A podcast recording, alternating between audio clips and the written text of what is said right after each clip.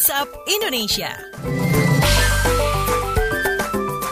Waktunya kita keliling Indonesia di WhatsApp Indonesia. Kita awali dari Surabaya. Terbukti rasis, ASN Pemkot Surabaya difonis 5 bulan penjara. Selengkapnya dilaporkan kontributor KBR ada Budi Prasetyo. Selamat pagi, Budi. Selamat pagi. Hakim Pengadilan Negeri Surabaya menjatuhkan vonis selama 5 bulan terhadap Samsul Arifin dalam kasus rasis dan ujaran kebencian. Vonis itu dijatuhkan oleh majelis hakim karena terdakwa yang berprofesi sebagai ASN Pemkot Pemkot Surabaya itu terbukti melakukan tindakan rasis dalam insiden di asrama mahasiswa Papua di Jalan Kalasan, Surabaya. Dalam putusannya, hakim menyatakan terdakwa terbukti bersalah melontarkan hinaan yang dianggap sebagai bentuk rasisme dan bertentangan dengan undang-undang tentang penghapusan diskriminasi ras dan etnis. Polisi menetapkan tiga tersangka dalam kasus rasis di asrama mahasiswa Papua di Jalan Kalasan pada November 2019 lalu. Sementara untuk terdakwa Tri Susanti difonis selama satu tahun karena dinilai menyebarkan hoaks tentang asrama mahasiswa Papua melalui pesan WhatsApp. Insiden di asrama mahasiswa Papua, Jalan Kalasan Surabaya itu memicu konflik di Jayapura, Papua. Demikian saya Budi Prasetyo melaporkan untuk KBR. Terima kasih Budi. Selanjutnya kita menuju Cilacap, Jawa Tengah. Pemda Cilacap kembangkan desa wisata Cilacap sisi utara. Selengkapnya kita simak kontributor KBR Muhammad Ridlo. Selamat pagi. Selamat pagi. Pemerintah daerah Cilacap mengembangkan potensi pertanian dan wisata pedesaan Cilacap terutama di sisi utara.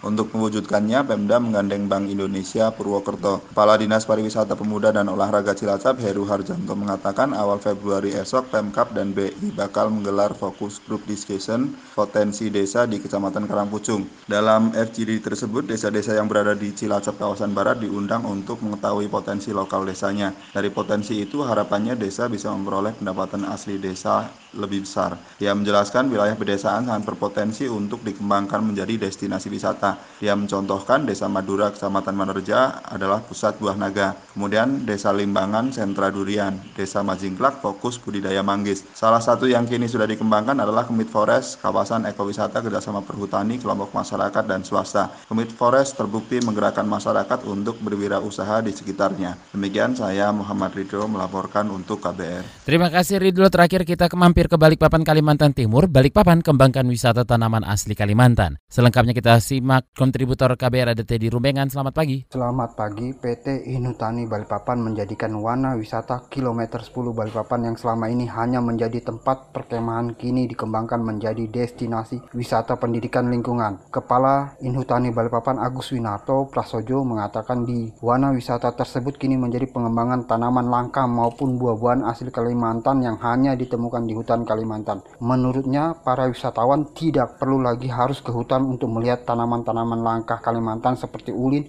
meranti, agatis, maupun buah elai yang selama ini hanya tumbuh di hutan Kalimantan. Kata dia, pengembangan wana wisata menjadi destinasi pendidikan lingkungan dan menyongsong bagian dari menyongsong Kalimantan Timur menjadi ibu kota negara yang baru di mana kota Balikpapan terus mempercantik diri dengan membangun destinasi wisata maupun sejumlah fasilitas umum. Demikian saya Teddy Rumengan melaporkan untuk KBR. Terima kasih Teddy Rumengan.